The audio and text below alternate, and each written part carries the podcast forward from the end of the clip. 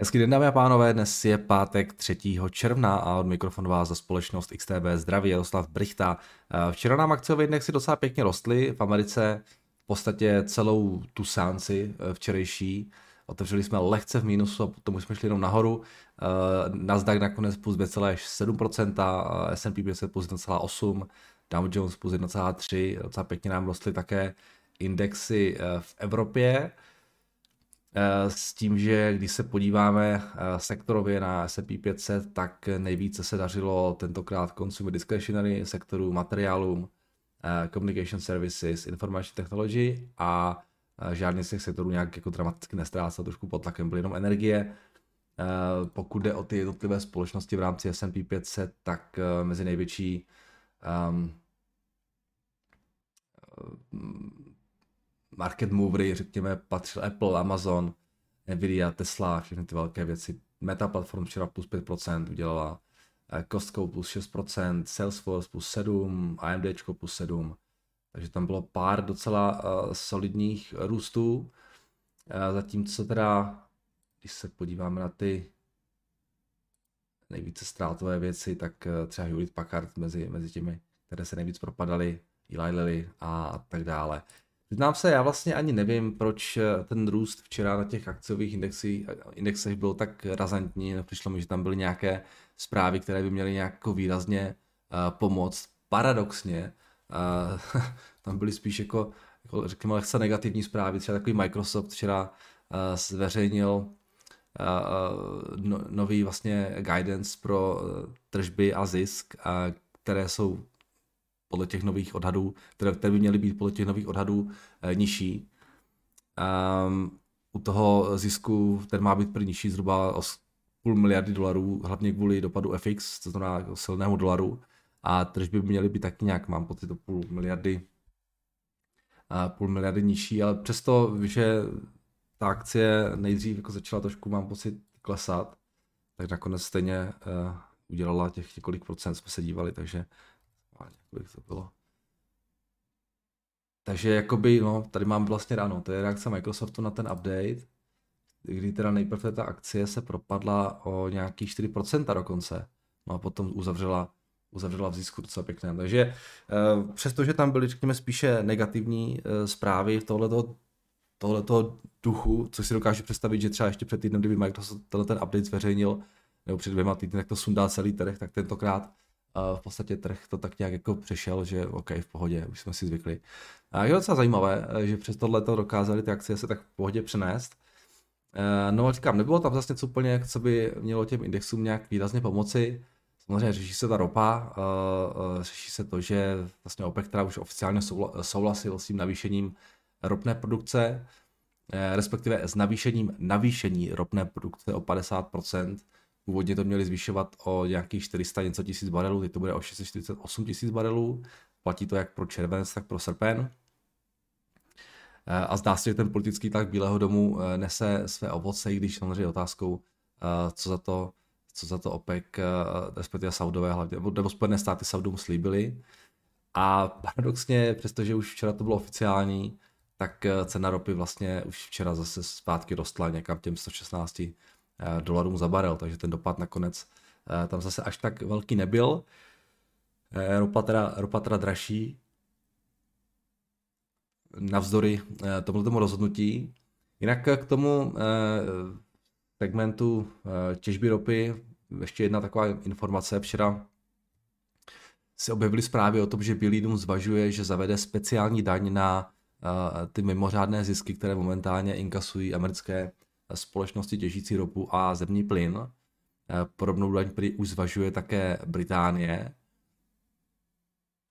Což to je zase geniální řešení tady tohle, jo. A vlastně tady někomu bohužel pořád nedochází, že nejlepší recept na snížení ceny ropy je buď nižší poptávka, nebo vyšší nabídka. Jo? A daně to fakt nevyřeší, spíše jenom jako demotivují od nezbytných investic, což paradoxně může ty ceny ropy ještě více zvýšit do budoucna. Ale prostě eh, politické řešení většinou jsou daně, takže uh, uvidíme, jestli si to projde, a není to úplně jisté. A eventuálně, jak vysoká ta daň bude, jak to bude dlouho a na ten trh, kolik let, prostě, no, jak to budou definovat, těžko říct, vůbec nevím. Jako. Takže tohle byla taková věc, která super nepomáhala eh, těm energetickým společnostem a proto včera byli, byli nejslabším sektorem vlastně, přestože nám ta ropa včera dokázala, dokázala růst. No, um, potom jenom takové maličkosti, včera mluvila uh, Lal Brainardová z Fedu, uh, podle té je nepravděpodobné, že Fed přestane v září se zvyšováním sazeb. Září je až teda třetí zasedání, které nás čeká na těch nadcházejících dvou by měl Fed zvýšit sazby o 50 bazických bodů vždycky, takže celkem o procento a podle Brynádové potom ty sazby dál porostou.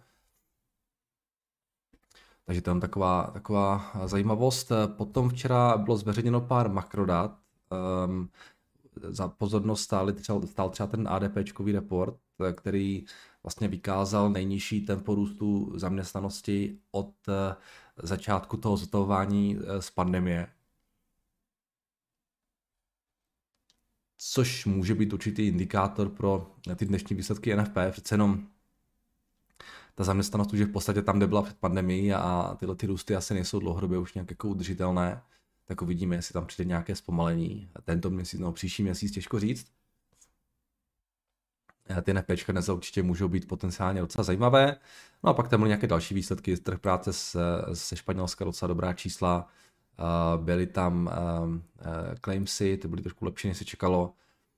Byly tam tovární objednávky, které dopadly trošku hůře, zásoby zemního plynu a ropy a tak dále. Takže tohle taky stálo trošku za pozornost. No a potom uh, poslední věc, co tady mám, uh, tak blog prý spolupracuje s Apple Pay na tom, aby přinesl funkci Tap to Pay do iPhoneu, což jsou v podstatě bezkontaktní platby toho jejich asi typu, nebo nevím přesně, co tam jde. Každopádně akcie eh, eh, bloku rostly na tuto zprávu nějaký 7% včera, takže se zařadili mezi ty eh, jedny, jedny z těch úspěšnějších.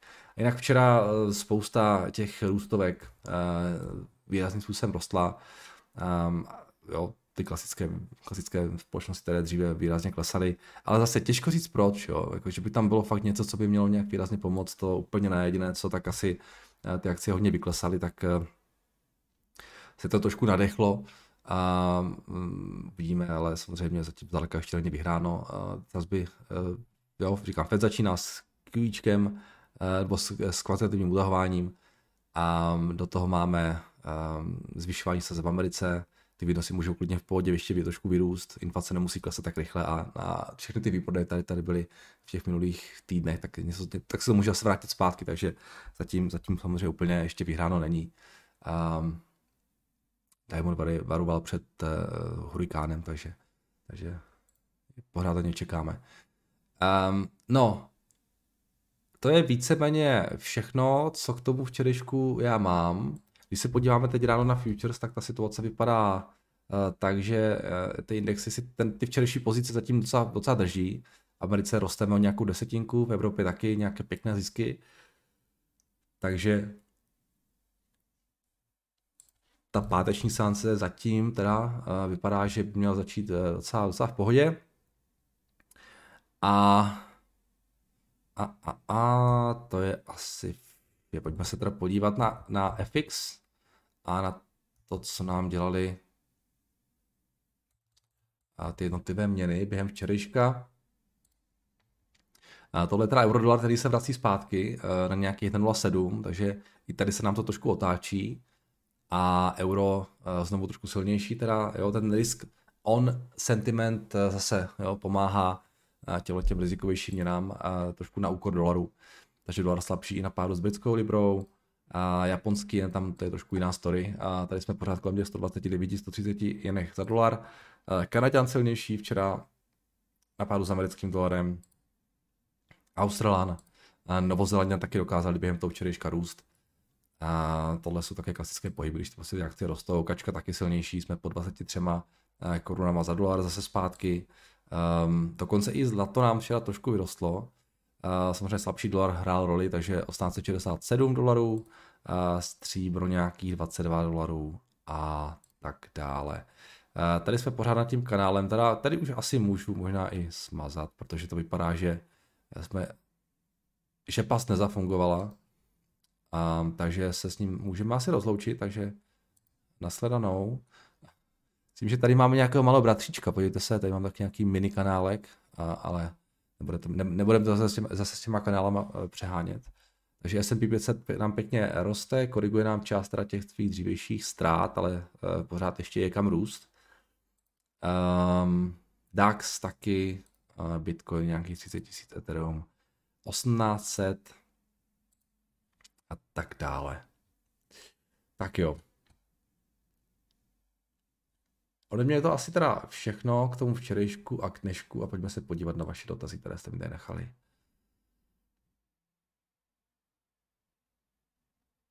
Tak, zdravím Verdo, chci se zeptat na názor ohledně americké firmy Texas Instruments. Je to technologická společnost se sídlem Dallasu, která vyrábí zejména polovodiče a integrované obvody. Společnost se zaměřuje zejména na vývoj analogových čipů a procesorů, vlastní 45 000 patentů po celém světě. V roce 1954 společnost navrhla, postavila prototyp prvního transistorového rádia na světě. V roce 67 firma vynalezla ruční kalkulačku. Texas Instruments byl aktivní i ve vojenském průmyslu, podílel se například na vývoji protitankové řízené střely Javelin, kterým podporují američané Ukrajince i v probíhající válce a tyto střely jsou tak velmi úspěšné. V květnu letošního roku firma začala v domovském Texasu s výstavbou závodu na výrobu polovičičů za 30 miliard dolarů. Guvernér Texasu Greg Abbott označil projekt za největší investici do hospodářského rozvoje v historii Texasu. Hm, zajímavý, to jsem nevěděl. Uprostřed celosvětového nedostatku čipů je to historická dlouhodobá investice eh, dodavatelského řetězce polovodičů. Zajímá mě tvůj názor na tuto firmu a co na to říká Bloomberg. Přeložil jsem přes. Super, díky moc, že jsi to přeložil, eh, Petře. No, tak eh, díky za zajímavé informace. Já jsem věděl, že investují teda, ale že až tak moc, tak že se investuje samozřejmě v tom semikonduktoru, záleží Texas Instrument investuje až tak moc, to jsem netušil. Samozřejmě 30 miliard je spousta peněz, no. Um, tak snad to vyjde ta investice. Uh, já je tak nějak samozřejmě znám, ale někdy jsem se úplně eh, na ně víc nedíval. Párkrát jsem na to tady někdo ptal, jak jsme se dívali na ty čísla. Jo, já tak jako mám je zařazené, že vlastně dělají na těch čipech, které nejsou samozřejmě tak sofistikované, jako třeba Intel nebo AMDčko, takže to není úplně ten high-end. To jsou ty čipy do všeho ostatního, kde to může být trošku větší a kde se to může trošku více zahřívat. jako můj prostě, což pořád je, je super trh, ale už je to možná trošku více komoditní, řekněme, business, než ty, ty high-end čipy, kde ty marže jsou prostě mnohem vyšší. Ale to vůbec nemusí být uh, jako na škodu, pokud ten business je dobře vedený a tady vidíte, že uh, tyhle ti zjevně jsou, protože jako uh, mají moc pěkné, moc pěkné marže Teda musím říct, že až překvapivě vysoké. Já jsem teda myslel, že to bude, že to bude nižší. No, každopádně 18 miliard, 19 miliard revenues, na to mají nějaký 8 miliard net income, do toho nějakých 6 miliard eh, free cash flow. Takže tady zase všechno šlape nádherně. Před tím covidem dokázali nějak růst. No oni před tím covidem, když se podíváte, takže by tam byl nějaký velký růst, asi to se úplně říct nedá. Jo? 13 miliard, 13, 13,3, 14,9, 15,7, pak zase 14, 14, 18, to už je covid potom. Jo, teď se čeká 19 letos. Um, samozřejmě nějaký ten růst tam je, ale je to spíš taky pomalejší. A ten multiple u nich je kolik? nemají žádný dluh v podstatě, multiple 20, um, což je asi odpovídající vzhledem k tomu, že jako nemají v podstatě vůbec žádný dluh, no žádný dluh, mají 2 miliardy, 2 miliardy, free cash, uh, 2 miliardy net cash pozici. Um, takže jo, um, zase uh, podobné firmy, jako jste měli včera, není to něco, co by úplně uh, bylo nějak ultra levné, ale vzhledem tomu, že nemají žádný dluh, vzhledem tomu, že mají jako krásný pouční biznis, jo, dělají pěkný free cash flow, když teď asi to bude trošku nižší kvůli těm investicím, tak uh, otázkou je, jestli budou schopni tyhle ty peníze dělat dlouhodobě, nebo je to zase nějaký jako trošku jednorázový výkyv, jo. Uh, protože přece jenom už jsme se tady o tom bavili, že v tom semiconductors segmentu jsme asi v nějaké fázi cyklu, kdy jak jak to moc nebylo, ty polovodiče, tak pravděpodobně spousta firm to prostě totálně nakupovala, co mohla na sklady a možná přijde nějaké ochlazení. Jo. Takže trošku bych se možná bál tady tohle, že ten multiple vlastně se může díky tomu zvětšit ještě více, že ještě na, těch 20, pokud by ta cena nějak výrazně neklesla samozřejmě. Takže možná tohle, jo, říkám, já u těch semis prostě uh, se mi do toho nechce a čekám na to, až přijde nějaký signál, že, ten, že, že, že, že ty sklady, až, až, budou, až budou automobilky uh, hlásit, že mají plno semikonduktor zase a možná jich mají až moc, tak uh, pak si myslím, že bude pro mě osobně jako, jako velmi jako zajímavá příležitost uh, podívat se na tenhle ty společnosti. Jo. Zatím říkám, já osobně se soustředím jinde teď, takže tam, kde teče ta krev, už se to ještě úplně moc nekrvácí. Ale uh, jinak jako firma to vypadá úplně jako solid, bez nějakých absolutně nemám vůbec, co bych tomu vytknul, takže, takže možná ten timing jenom u mě bude, by byl trošku jiný. No. Eh, zdravím, Jardo, chtěl bych tě požádat o zasvěcené, zasvěcení do tématu ohledně dluhu, dluhu společnosti. Možná je to lehce stupidní dotaz, ale zajímalo by mě, prosím, kdy jsou dluhy u společnosti snesitelné a kdy ne.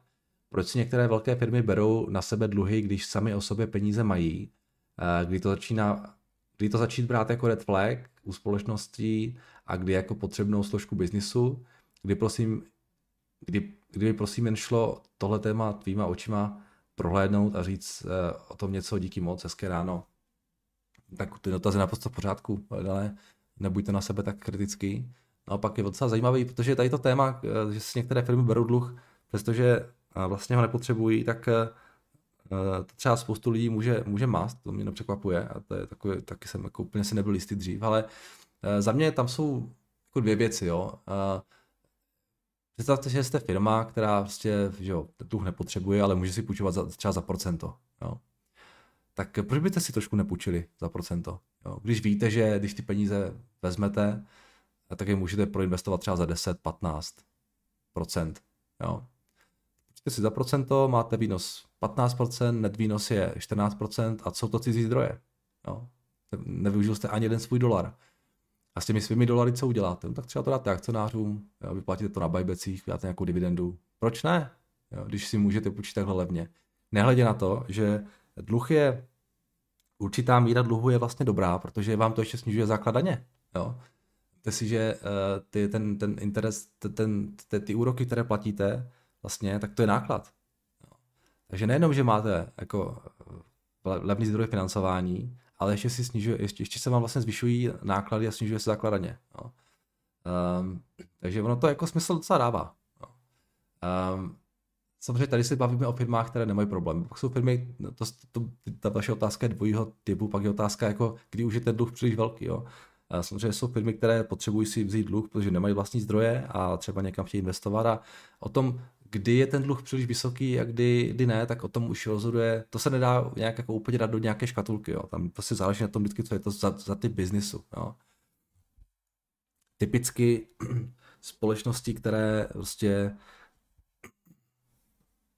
potřebují vybudovat nějakou velkou infrastrukturu eh, a potom z té infrastruktury žijí, tak často se můžou dostávat do situace, kdy ten dluh se může zdát na, na, jako nadprůměrně vysoký ale pokud ty firmy v momentě, kdy to proinvestují, mají nějaké jako stabilní cash flow, eh, tak eh, si můžou dovolit trošičku tu svoji balance sheet jako více napnout. Jo. Uvedu příklad, eh, třeba různé, já nevím, firmy, které provozují potrubí na, na přepravu ropy a zemního plynu. Prostě v momentě, kdy to potrubí stojí, jo, a nikde jiné žádné další trubky nějak moc jako nejsou. Jo. Vy, vy víte, že tím prostě ta ropa, ten zemní plyn potečou a víte, že mají jako docela predikovatelné free cash flow, tak samozřejmě si můžou dovolit tyhle ty firmy větší dluh, než firmy, které jsou v cyklickém sektoru, v nějakém třeba, nevím, je dodavatelský, nějaká dodavatelská firma pro automobilku, no, nejhorší možný případ se napadá, jo, a tak ta si prostě nemůže na sebe narvat strašně moc dluhu, protože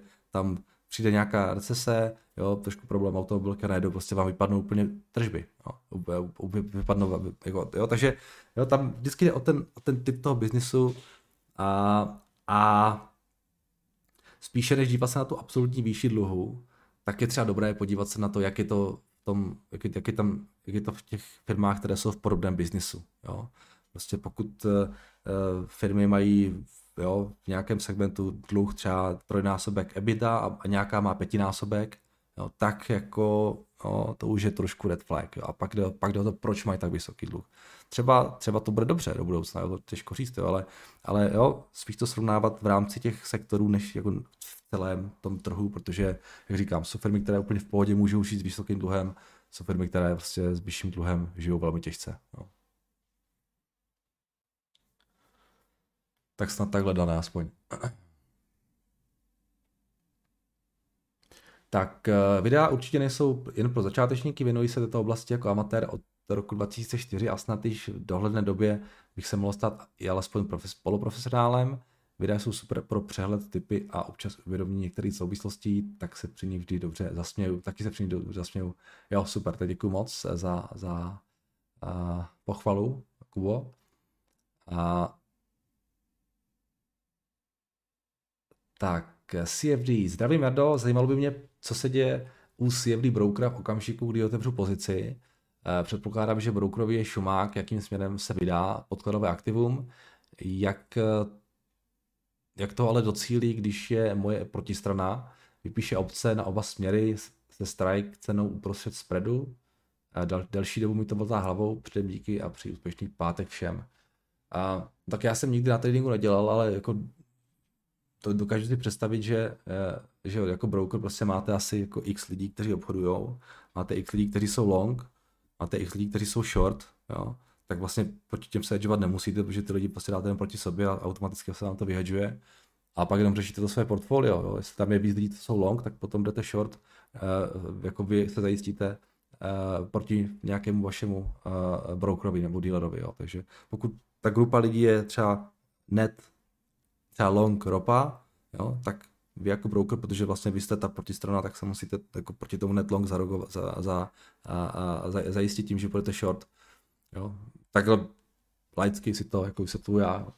A samozřejmě tam asi může být nějaké speciální cases, kdy prostě jste v nějakém jako málo likvidním páru, jo, v těžko, nebo v nějaké v jiné, jiném instrumentu, ale takhle podle mě jo, to hedžování funguje.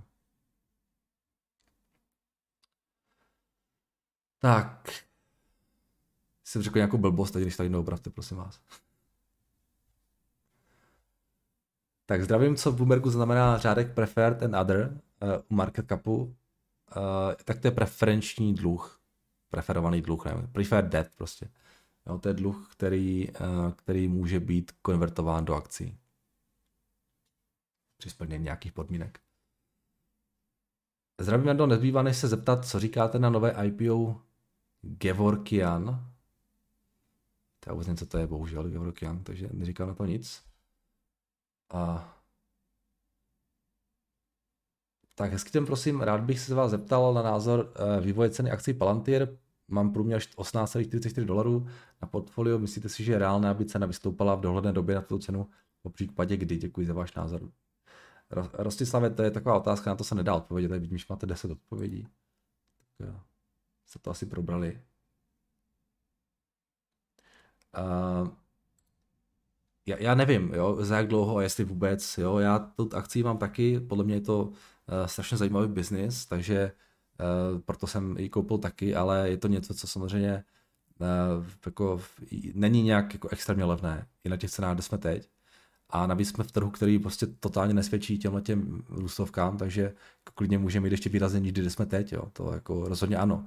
A za mě to je něco, co prostě chce čas, jo, až si tady to všechno sedne na tom trhu, až si to trošku uklidní všechno a pokud Palantir poroste tak, jak já osobně očekávám, že poroste, tak pak někdy v budoucnu snad ano, no, ale, ale kdy a jak rychle, to já vůbec jako nedokážu. Nedokážu na to odpovědět, bohužel. Je to pořád, jako, jako řekl bych, velmi riziková uh, věc, jo. takže opatrně. Tak zdravím, Jardo. Eh, po nějaké době bych tě rád požádal o nahlédnutí do Bloombergu na společnost Bark. Už jsme ji tady párkrát probírali, takže asi není třeba zvláště eh, představovat. Je to společnost, která provozuje globální omnichannel pro psy. to je dobrý, omnichannel pro psy. Navíc širokou škálu produktů, služeb, zejména pak individuální stravovací plány pro psy a podobně. Fungují na principu pravidelného měsíčního předplatného Před dvěma dny společnost reportovala čtvrtletní výsledky, po nich se cena výrazně propadla. Z výsledku například vyšší čistá ztráta, pokles hrubých marží, a na druhou stranu výrazný nárůst tržeb a nových předplatných. Akcie si myslím má do budoucna, akcie myslím má do budoucna velký potenciál, lidé často ušetří spíše na sobě než na psovi, po případě může být potenciálním zajímavým akvizičním cílem, obzvlášť na této, dle mého názoru, již velmi zajímavé ceně. Chtěl bych proto požádat o informaci, jak vidí nejbližší kvartály Bloomberg a co na současnou situaci říkáte vy. Děkuju. Tak Bark je zajímavý biznis. No, jsme to tady řešili párkrát. Biznis je to, jako, ta, ta logika tam je, akorát prostě eh, oni nevydělávají na těch balících, jo. Prostě tam, jo. Eh, tohle je celý ten, ten retail, jo, to, že si někdo něco koupí od vás, vy to někomu pošlete, je strašně, jako, strašně nízké marže jsou tam a e, pokud nepřijete s nějakou třetí službou, nějak, ně, něčím prostě, s něčím nebudou vyšší marži, tak přestože můžete dělat obrovské objemy, tak pořád můžete být bez, ty zisky budou buď jako extrémně nízké, nebo můžete být ve ztrátě, jo. takže tohle je prostě věc, která, která je problematická u tohoto typu biznisu.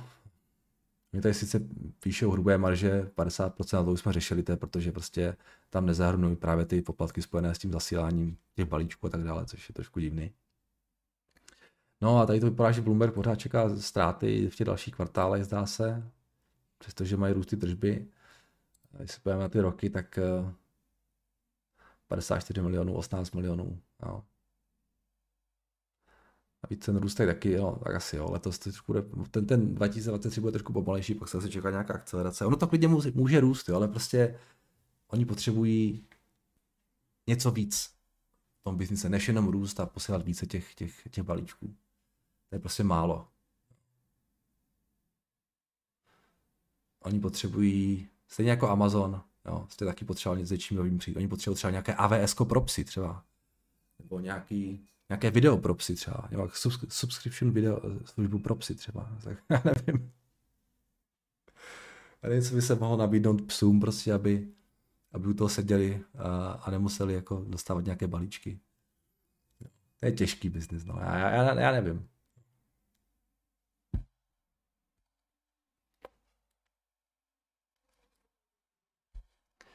Takže takhle to vidí Bloomberg, no. Tak ty už je na dvou dolarech. Co vyklesalo, no.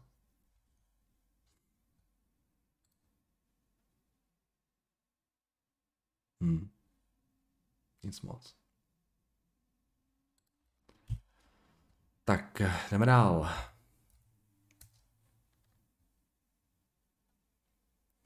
Jdeme dál, namažeme to dotazy. Ahoj všem, jsem milovník švýcarských hodinek a bohužel musím říct, že tento segment se může dostat budoucího problému. Chytré hodinky, ty klasické, válcují, nastupují recese, nárůst cen mest, vstupu a tak dále. No, jsme tady probírali včera tady tohle. A... Foodlocker. Zdravím, rád bych znal váš názor na Foodlocker. Jde o poměrně známého prodejce sportovní obuvy a oděvů. Firma si prošla poměrně krušným obdobím covidu a dodávek zboží. Navíc její hlavní dodavatel Nike eh, přechází na vlastní prodejní kanály. Eh, všechny tyto rány poslali akce na jich, ovšem management odvádí skvělou práci. A CEO Johnson, asi do ročník 1958, eh, Změna strategie započala již před covidem a je to zejména diversifikace dodavatelů Adidas, Puma a dalších 45 brandů i vlastních, postupný přechod eh, z nákupních center do vlastních prodejen na prémiových pozicích. Dále je to navázání spolupráce s významnými sportovci, práce s dětmi ve školkách a další.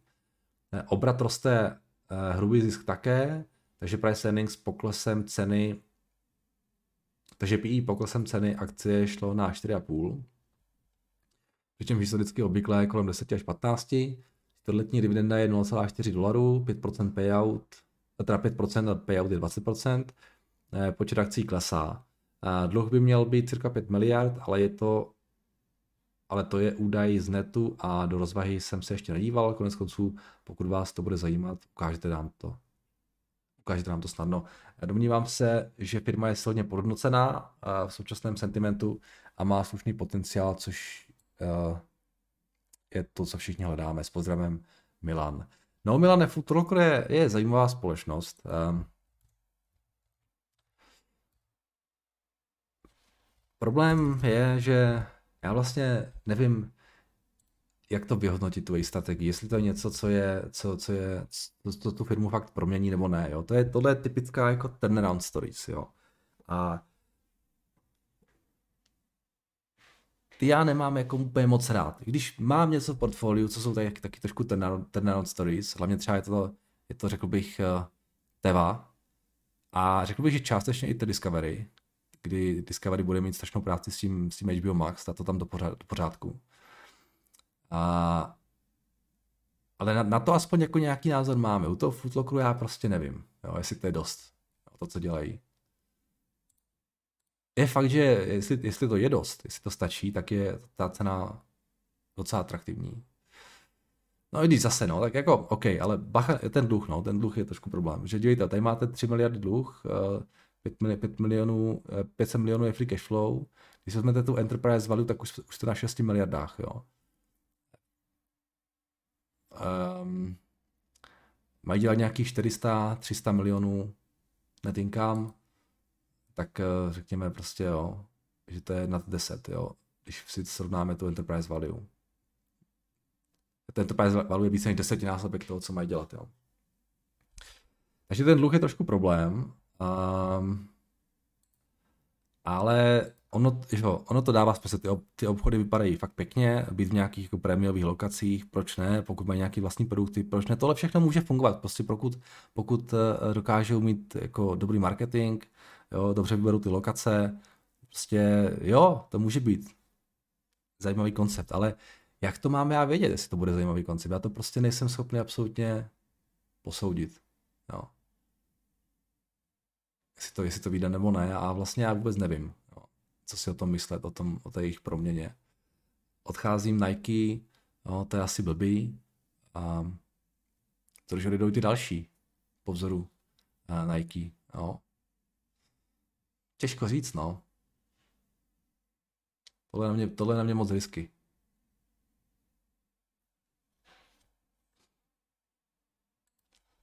Akcie. risky v tom smyslu, že ten jako risk reward tam nevidím nějak jako velký. Jo. Ono to může klapnout, ale taky nemusí a že by to bylo nějak jako úplně extrémně zbyté ta akcie, to si taky úplně nemyslím. Jo. Kdyby ta akce byla za, já nevím, za 10 dolarů, no, tak ten risk reward je tam sakra zajímavý samozřejmě. no není, ona je za 30. Jo.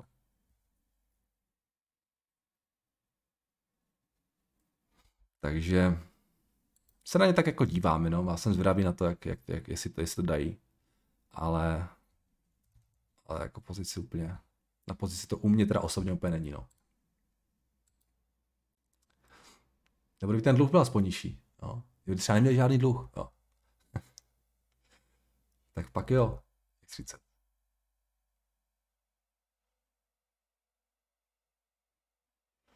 No. Takže tak můj názor, no.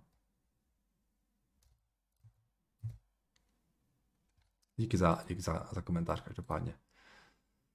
Evil Kitty píše. A Jardo, potvrzuji, co psali ostatní ohledně robotů Kuka, Fanuk a ABB. Pro zajímavost doplňuji, že ABB kromě robotů dělá téměř veškerou elektroniku, takže ač je mnoho, mnoho lidí nezná, trochu si říct, že každý třetí má od ABB doma minimálně vypínače na světla nebo zásuvky. Zajímavý. Bohužel mi všechny společnosti aktuálně přijdou drahé, stejně jako tobě.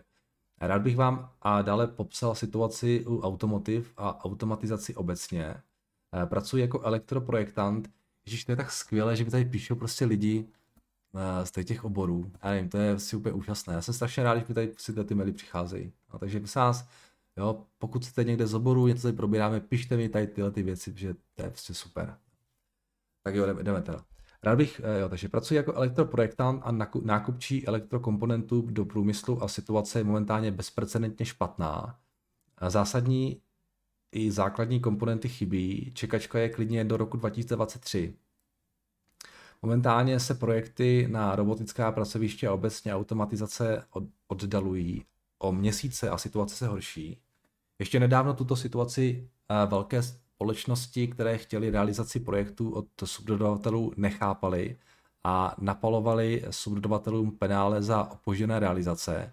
Není to chápou, ale nic to nemění na posouvání projektů, které přirozeně mají vydělávat. Je zajímavý sledovat, že zatímco se dříve řešily ceny komponent od různých výrobců, nyní se skáče po první dostupné variantě, nebo další den nemusí být skladem. Wow. A hlavně tedy PLC jističe, hlavně tedy PLC jističe, elektronické součástky, konektory. To samozřejmě výrobci využívají a ceníky se jen letos změnily několikrát. Kromě toho, že chybí čipy, jak se obecně ví, tak chybí také plasty, granulát a PVC. Obchodák druhého největšího německého výrobce mi říkal, že je to od covidu a to kvůli omezení výroby z ropných produktů. Plus samozřejmě supply chain issue. Koho by ještě nedávno napadlo, že nesežene průmyslový kabel? Wow. Dal bych si eh, tedy v tuto chvíli pozor na nákup automotiv a podobného průmyslu obecně, protože mám dojem, že se popsaná situace do valuací přímo nepropsala. A zároveň Zároveň může být zajímavé mrknout na výrobce těchto kritických materiálů. Na tě takovéto akciové nekonkrétní drby z průmyslu příliš nenudili. Ne, ne, ne, to je úplně fantastické. Jo. A já prostě jako intuitivně tohle tak nějak tušíme vlastně ve všech, tohle ze všech stran to přichází, jo. A proto se mě jako strašně nechce investovat do těchto těch firm, které třeba tyhle ty věci jako vyrábějí, jo, nebo prostě mají fakt jako vysoké zisky nebo revenues eh, v tom roce 2021, protože přijde doba, kdy se tohle totálně otočí a bude to přesně naopak. Já nevím, kdy to bude, jo, ale, ale to se stane. Jestli to bude v roce 2023 nebo 2024, já nevím, ale jsem si skoro jistý, že přijde doba, kdy budete v úplně opačné situaci. Jo? Kdy na tom skladu bude úplně všechno. A, a to buď z toho důvodu, že přijde nějaká prostě recese, jo? nebo se ty supply chain eh, se spraví, ale tohle se spraví. Jo? A to bude podle mého názoru ten moment, kdy bude velmi zajímavé dívat se na tyhle ty firmy, které jsou ty docela drahé. Ale a proto já do toho nechci investovat teď vůbec. No, teďka já prostě jdu jenom po těch důstovkách, že ty jsou úplně v pytli teď momentálně. Jo. A mi to jenom trpělivost. Já, já si nemyslím, že teď je ta, ta správná doba, protože teď třeba některé firmy z toho těží a mají vysoké zisky. Jo. Oni můžou mít ještě dál, jo, určitě. No, já, já nevím, jak to bude dlouho trvat, jo, ale já chci, tu, ten, já chci ten stres, tu depresi prostě v tom segmentu a to tam zdaleka ještě jako úplně není. Jo. Takže Evil Kitty, až bude ta situace přesně opačná, tak mi prosím zase napište. Jo? jo, to je, to je strašně zajímavé tady tohle. A je to fakt všude. Jo? stavební materiály, prostě tady taky papír jsme tady řešili. Není papír, nejsou krabice, ale něco všechno není prostě. Jo? Takže uh, jsem zvědavý, no, kdy se to, kdy se to, začne, kdy se to začne otáčet a kdy si potom, jo, kdy se potom začnou ty, ty sklady fakt jako ve velkém plnit.